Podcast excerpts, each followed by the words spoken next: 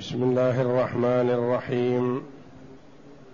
الحمد لله رب العالمين. والصلاة والسلام على نبينا محمد وعلى آله وصحبه أجمعين. وبعد. بسم الله. أعوذ بالله من الشيطان الرجيم. أفلا يتدبرون القرآن أم على قلوب أقفالها؟ إن الذين ارتدوا على أدبارهم من بعد ما تبين لهم الهدى الشيطان سول لهم وأملى لهم. ذلك بأنهم قالوا للذين كرهوا ما نزل الله سنطيعكم في بعض الأمر سنطيعكم في بعض الأمر والله يعلم إسرارهم فكيف إذا توفتهم الملائكة يضربون وجوههم وأدبارهم ذلك بأنهم اتبعوا ما أسخط الله وكرهوا رضوانه فأحبط أعمالهم. هذه الآيات الكريمة من سورة محمد صلى الله عليه وسلم يقول الله جل وعلا: أفلا يتدبرون القرآن أم على قلوب أقفالها. قبلها قوله جل وعلا فهل عسيتم إن توليتم أن تفسدوا في الأرض وتقطعوا أرحامكم؟ أولئك الذين لعنهم الله فأصمهم وأعمى أبصارهم. أفلا يتدبرون القرآن؟ أم على قلوب أقفالها؟ يقول الله جل وعلا أفلا يتدبرون القرآن؟ أفلا. الهمزة للاستفهام الإنكاري والفاء عاطفة على مقدر كما تقدم نظائره كثير. أعموا فلا يتدبرون القرآن؟ أفلا يتدبرون القرآن؟ استفهام توبيخ ولوم. كيف لا يتدبرون القرآن؟ ولو تدبروا القرآن لوجدوه يهدي للتي هي أقوم. لوجدوه يأمر بكل خير وينهى عن كل شر. وتدبر القرآن هو التفكر فيه والتأمل والنظر باستحضار القلب بحضور القلب والفكر ليستفيدوا من قراءتهم. وكما قال بعض المفسرين تدبر القرآن لا يكون إلا مع حضور القلب وجمع الهم وقت تلاوته. قال ويشترط فيه تقليل الغذاء وأن يكون من الحلال الصرف وخلوص النية لأن تأمل القرآن وتدبره عبادة لله جل وعلا. والعبادة تفتقر إلى نية خالصة لله جل وعلا. ومما يساعد على هذا تقليل الغذاء لأن المرأة إذا أكثر الغذاء أكثر أكل الطعام أتعب نفسه. وما استطاع أن يتأمل ولا يتدبر وكثر نومه وقل تفكره. وكذلك أن يكون الطعام من الحلال لأن الطعام إذا كان من الحرام أعمى القلب أعمى البصيرة. والنبي صلى الله عليه وسلم قال لسعد رضي الله عنه لما قال له ادعو الله أن يجعلني مستجاب الدعوة قال يا سعد أطب مطعمك تكن مستجاب الدعوة ليكن مطعمك من الحلال. وإذا كان الطعام من الحرام فكما قال عليه الصلاة والسلام كل لحم نبت من سحت فالنار أولى به. أفلا يتدبرون القرآن؟ فلو تدبروه لعرفوا ورأوا وأبصروا بأنه يأمر بكل خير. يأمر بعبادة الله جل وعلا وحده وإخلاص العمل له. ومتابعة النبي صلى الله عليه وسلم. يأمر بما فيه سعادة الدنيا وسعادة الآخرة. يأمر بما فيه صلاح البدن وصلاح القلب وصلاح العمل. كما قال الله جل وعلا إن هذا القرآن يهدي للتي هي أقوم. في كل شيء. لم يحدد الشيء الذي يدعو إليه اقوم في كذا وإنما قال يهدي للتي هي اقوم في كل شيء في أمر الدين والدنيا في أمر الآخرة في أمر امور العبد كلها في صحته في بدنه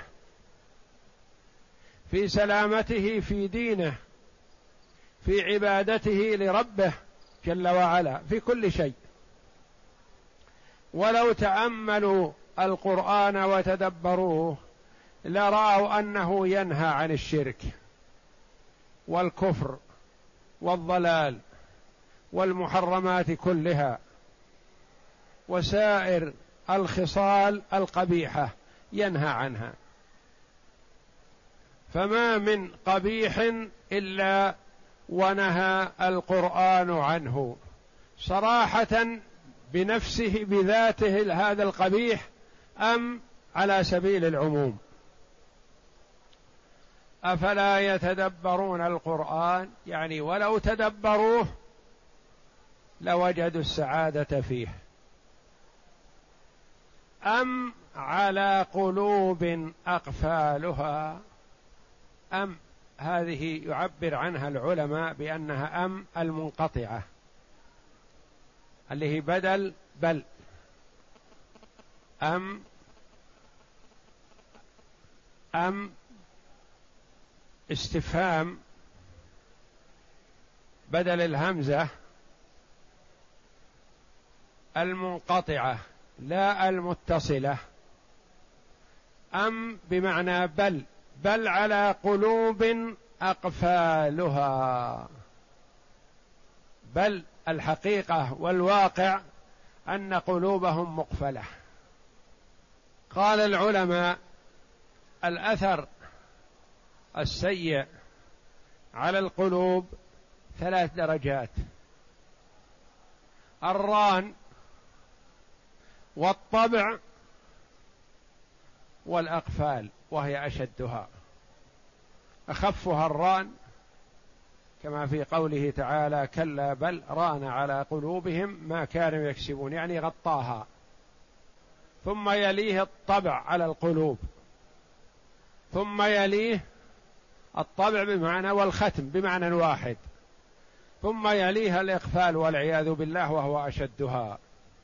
يقول جل وعلا أم على قلوب أقفالها يعني قلوبهم مقفلة. شبهها بالخزائن المقفلة التي لا يستطاع أن يدخل فيها شيء ولا يخرج منها شيء. كذلك القلوب مقفلة. لا يمكن أن يدخل إليها الخير والعياذ بالله. والشر المخزن فيها لا يمكن أن يخرج لأنه مغلق عليه. فلذا لا يفهمون ولا يعقلون فهما وعقلا ينتفعون به وإلا فليسوا مجانين هم مكلفون وعندهم عقول يدركون بها لكنهم ما انتفعوا بها والعياذ بالله. فالمجنون غير مكلف فاقد العقل غير مكلف. لكن هؤلاء معهم عقول لكنهم لم يستفيدوا منها والعياذ بالله. أم على قلوب أقفالها أو إقفالها؟ أقفالها جمع قفل والكسر مصدر يعني هي عليها إقفال يعني مقفلة قراءتان. ثم قال جل وعلا إن الذين ارتدوا على أدبارهم ارتدوا الارتداد الرجوع وهؤلاء تبين لهم الحق وظهر لهم الحق وتركوه. ومن المراد بهم قولان للعلماء رحمهم الله. قال بعضهم هي في اليهود. عرفوا صفة النبي صلى الله عليه وسلم بكتبهم وكانوا يتوعدون المشركين أنه سيبعث قريبا نبي نتبعه ونقتلكم معه قتل ع... ونهلككم هلاك عاد وإرم يتوعدون الأوس والخزرج. فلما بعث النبي صلى الله عليه وسلم ارتدوا يعني رجعوا إلى الورى ولم يؤمنوا بمحمد صلى الله عليه وسلم وهم كانوا يتوعدون بأنهم سيؤمنون به. وهم كما قال الله جل وعلا عنهم يعرفونه كما يعرفون أبناءهم. فيعتبر هذا نكوص ورجوع عن الحق وهو واضح بين ظاهر لهم. إن الذين ارتدوا على أدبارهم وقيل المراد بهم المنافقون. أظهروا الإسلام وأبطنوا الكفر. إن الذين ارتدوا على أدبارهم قال قتادة هم كفار أهل الكتاب كفروا بالنبي صلى الله عليه وسلم بعدما عرفوا نعته عندهم. وبه قال ابن جريج وقال ابن عباس هم أهل النفاق المنافقون. وقال الضحاك والسدي هم المنافقون. قعدوا عن القتال. وهذا أولى يعني الأولى أنهم المنافقون. لأن السياق في المنافقين. إن الذين ارتدوا على أدبارهم من بعد ما تبين لهم الهدى من بعد ما ظهر لهم الحق الذي جاء به الرسول صلى الله عليه وسلم. لأن ما جاء به النبي صلى الله عليه وسلم واضح جلي ظاهر بأنه حق ومعه من المعجزات ما يدل على صدقه فإتيانه بهذا القرآن العظيم وهو أمي عليه الصلاة والسلام لا يقرأ ولا يكتب وأتى بهذا الشيء العظيم الذي لا يستطيع أي بشر مهما أوتي من الفصاحة والبلاغة أن يأتي بمثله هذا أكبر دليل وأوضح معجزة على صدقه صلى الله عليه وسلم. من بعد ما تبين لهم الهدى الشيطان سول لهم. الشيطان زين لهم الباطل وحسنه في نفوسهم وأملى لهم أعطاهم ومناهم بطول الأمل وحثهم على الأخذ بالباطل وإعطاء النفس ما تشتهي وما تميل إليه. سول لهم وأملى لهم. أملى لهم الشيطان. وقيل أملى لهم الله جل وعلا. يعني أمهلهم ولم يعاجلهم جل وعلا بالعقوبة. فلم يقبلوا الحق. وكونه يرجع الاملاء هذا إلى الشيطان لأنه مذكور قريب. وهو الذي يوسوس. ولا يكون في الكون شيء إلا أراده الله جل وعلا ازلا. فالشيطان ما يستطيع أن يصرف عباد الله جل وعلا عن طاعته سبحانه والله أراد هدايتهم. لا يستطيع ذلك. وإنما الله جل وعلا أقدره على من لم يرد الله جل وعلا له الخير مع قيام الحجة عليهم. فهم ما يحتجون بإرادة الله جل وعلا الأزلية لأن الله جل وعلا دعاهم إلى الحق وأمرهم به. ورغبهم فيه وأرسل الرسل وأنزل الكتب فقامت الحجة على العباد. فمن هداه الله جل وعلا بتوفيقه سبحانه وتعالى له وتلك نعمة. ومن أضله فهو جل وعلا أعلم بحال عباده يعلم أن هذا أزلا لا يقبل الهدى. وما يكون في الكون شيء خارج عن إرادة الله جل وعلا الأزلية. الإرادة الكونية القدرية. ما يوجد في الكون شيء خارج عنها.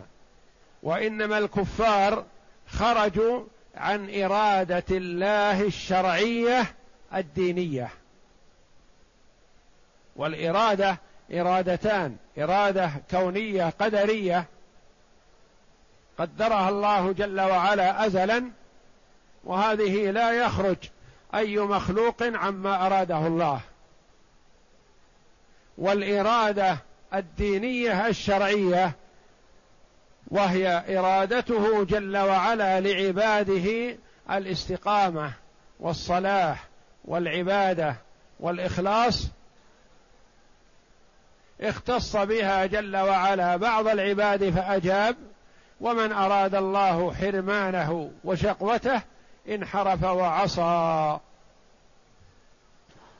يقول تعالى امرا بتدبر القرآن وتفهمه وناهيا عن الإعراض عنه فقال أفلا يتدبرون القرآن أم على قلوب أقفالها؟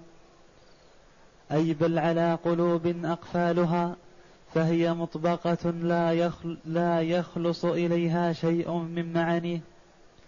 قال ابن جرير. يعني لا يصل إليها شيء من الخير ولا يخرج منها شيء من الشر المحكمة فيها الباطن فيها والعياذ بالله الكفر والضلال. نعم. قال ابن جرير حدثنا بشر قال تلا رسول الله صلى الله عليه وسلم وسلم يوما أفلا يتدبرون القرآن أم على قلوب أقفالها؟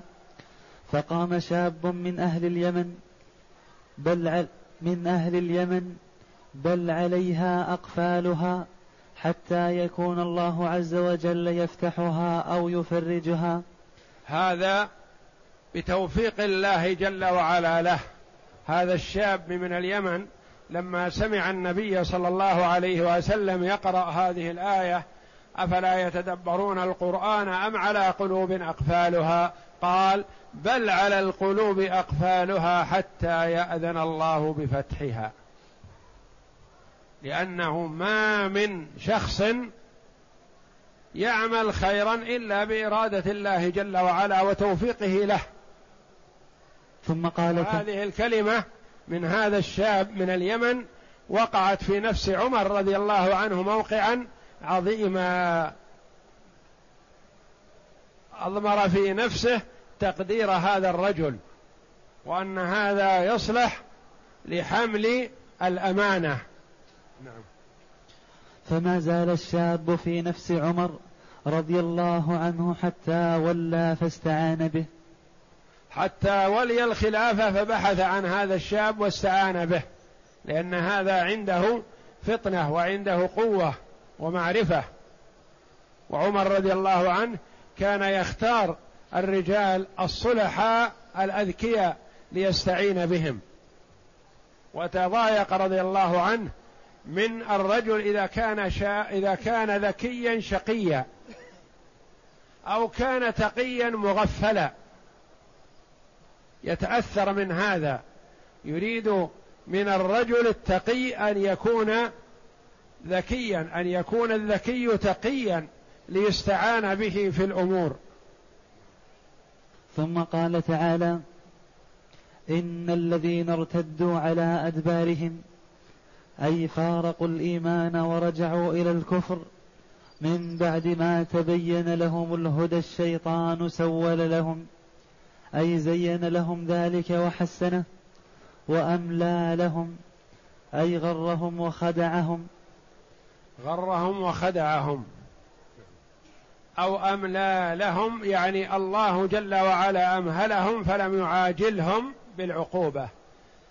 يقول تعالى ذلك بأنهم قالوا للذين كرهوا ما نزل الله سنطيعكم في بعض الأمر والله يعلم إسرارهم. ذلك أي هذا التسويل والاملاء والشقاء والارتداد بسبب ماذا؟ بأنهم قالوا للذين كرهوا ما نزل الله. من هم الذين قالوا؟ هؤلاء. هم اليهود أو المنافقون. إذا كانوا اليهود فلمن قالوا هذا القول؟ قالوه لكفار قريش. وإذا كان المراد المنافقون فهم قالوه لمن؟ قالوه لليهود. وهذا أقرب الذي هو قول عبد الله بن عباس حبر هذه الأمة وترجمان القرآن أن المراد بهم المنافقون. قالوا لليهود لأن الله جل وعلا قال في آية من كتابه العزيز ألم تر في, في سورة الحشر؟ ألم تر إلى الذين نافقوا؟ يقولون لإخوانهم الذين كفروا من أهل الكتاب لئن أخرجتم لنخرجن معكم ولا نطيع فيكم أحدا أبدا وإن قوتلتم لننصرنكم والله يشهد إنهم لكاذبون. لئن أخرجوا لا يخرجون معهم ولئن قوتلوا لا ينصرونهم ولئن نصروهم ليولن الأدبار ثم لا ينصرون. فالمنافقون قالوا لليهود هذا القول سرا. فالله جل وعلا علم به وفضحهم. ذلك بأنهم قالوا للذين كرهوا ما نزل الله كرهوا شرع الله جل وعلا كرهوا توحيد الله. كرهوا الإيمان بمحمد صلى الله عليه وسلم. سنطيعكم في بعض الأمر يعني ما هو في كل شيء. سنطيعكم فيما نتفق وإياكم عليه على عداوة محمد. سنطيعكم في عدم الخروج مع محمد للجهاد. سنطيعكم فيما تطلبون منا من خذلان محمد صلى الله عليه وسلم والوقوف في وجهه. سنطيعكم في بعض الأمر. قال جل وعلا والله يعلم إسرارهم. والله يعلم أسرارهم. قراءتان. والله يعلم إسرارهم أي ما أسروا به للكفار. لأن هذا لا يخفى على الله جل وعلا. ولقد خلقنا الإنسان ونعلم ما توسوس به نفسه ونحن أقرب إليه من حبل الوريد. ما يكون من نجوى ثلاثة إلا هو رابعهم ولا خمسة إلا هو سادسهم ولا أدنى من ذلك ولا أكثر إلا وهو هو إلا هو معهم أينما كانوا بعلمه جل وعلا وهو مستو على عرشه. فهو لا تخفى عليه خافية. يعلم السر وأخفى. ما هو أخفى من السر؟ السر ما نطقت به لواحد أو اثنين. والأخفى من السر ما أضمرته في قلبك ولم تخرجه. يعلمه جل وعلا. والله يعلم إسرارهم مصدر. والله يعلم أسرارهم جمع. جمع سر. لأنهم أسروا بأنواع من السر. ليس سرا واحدا وإنما هو أسرار. ذلك بأنهم قالوا للذين كرهوا ما نزل الله سنطيعكم في بعض الأمر. مالوهم وناصحوهم في الباطن على الباطل وهذا شأن المنافقين يظهرون خلاف ما يبطنون. ولهذا قال الله عز وجل والله يعلم إسرارهم. لا تخفى عليه خافية. نعم. أي يعلم ما يسرون وما يخفون. الله مطلع عليه وعالم به. كقوله والله يكتب ما يبيتون. والله يكتب ما يبيتون. يطلع عليه جل وعلا ولا تخفى عليه خافية. إذا ما خلوت الدهر يوما فلا تقل خلوت ولكن قل علي رقيب وهو الله جل وعلا. فكيف إذا توفتهم الملائكة؟ كيف الحال؟ يبين جل وعلا سوء حالهم عند الوفاة. ما يحصل لهم من الإهانة والتحقير من الملائكة في حال ضعفهم وعجزهم وافتقارهم. فكيف الحال إذا توفتهم الملائكة؟ يضربون وجوههم وأدبارهم. لا أشد على المرء من ضرب هذين الموضعين. ولهذا نهي الرجل أن يضرب الوجه لزوجته ولولده ولخادمه لأن ضرب الوجه فيه تحقير وفيه إهانة. وضرب الأدبار كذلك فيه إهانة وتحقير للمرء وخاصة الرجل. يضربون وجوههم وأدبارهم. كيف يصح أن تكون في محل نصب بفعل محذوف؟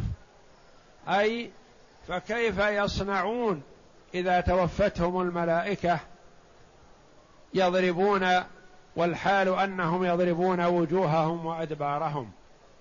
أو خبر لكان المقدرة. أي فكيف يكونون إذا توفتهم الملائكة؟ والفا هنا لترتيب ما بعدها. قرأ الجمهور توفتهم وقرئ توفاهم. يضربون وجوههم وأدبارهم. هذا في محل نصب على الحال. أي عند الوفاة يضربون على الوجوه وعلى الأدبار.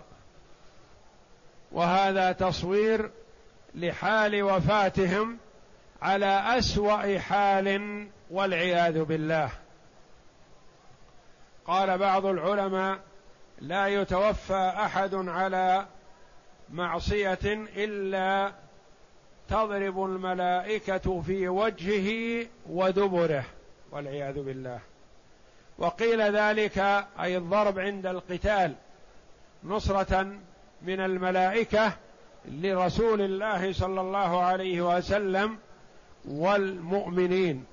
وقيل هذا الضرب يوم القيامة والأول هو الأولى والله أعلم لأن السياق يدل عليه. فكيف إذا توفتهم الملائكة حال الوفاة يضربون وجوههم وأدبارهم؟ ذلك بأنهم يعني هذا الذي يحصل لهم ضرب الوجوه والأدبار عند الوفاة. لماذا؟ بسبب أنهم اتبعوا ما أسخط الله. اتبعوا الشرك والكفر والضلال واتبعوا الشياطين وأطاعوهم وأطاعوا الناس في معصية الله. ذلك بأنهم اتبعوا ما أسخط الله وكرهوا ابغضوا ما أحبه الله جل وعلا من التوحيد والعمل الصالح ومتابعة الرسول صلى الله عليه وسلم. فأحبط أعمالهم. بسبب هذا الفعل الذي حصل منهم أحبط الله أعمالهم. ما المراد بهذا العمل؟ قيل هذا العمل حص... الذي حصل منهم قبل الردة. ولا شك أن المرء إذا ارتد واستمر على ردته حبط عمله الذي قبل ردته. ولا ينتفع به شيئا.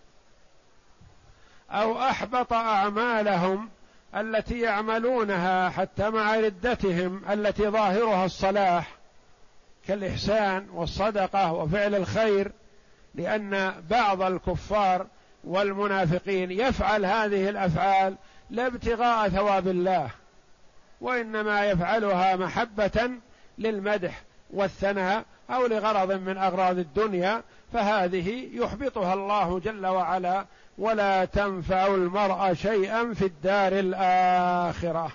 لأن المرء لا ينتفع في الدار الآخرة بأي عمل إلا ما أراد ما أريد به وجه الله جل وعلا. ذلك بأنهم اتبعوا ما أسخط الله وفي هذه الآية إثبات السخط لله جل وعلا على ما يليق بجلاله وعظمته كما يثبت لله جل وعلا الرضا على ما يليق بجلاله وعظمته.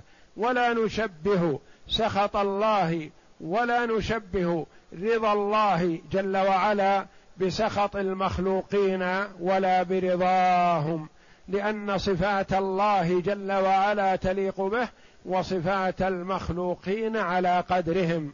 والله جل وعلا وصف نفسه بصفات وصف فيها بعض العباد لكن شتان بين الصفتين كما قال الله جل وعلا وقالت امرأة العزيز عزيز مصر. والله جل وعلا موصوف بأنه العزيز. وليست عزة المخلوق كعزة الله جل وعلا بل عزة المخلوق على قدره وعزة الخالق جل وعلا له الكمال المطلق سبحانه وتعالى. نعم. فكيف إذا توفتهم الملائكة يضربون وجوههم وأدبارهم؟ كيف حالهم إذا جاءتهم الملائكة لقبض أرواحهم وتعصت الأرواح في أجسادهم واستخرجها الملائكة بالعنف والقهر والضرب؟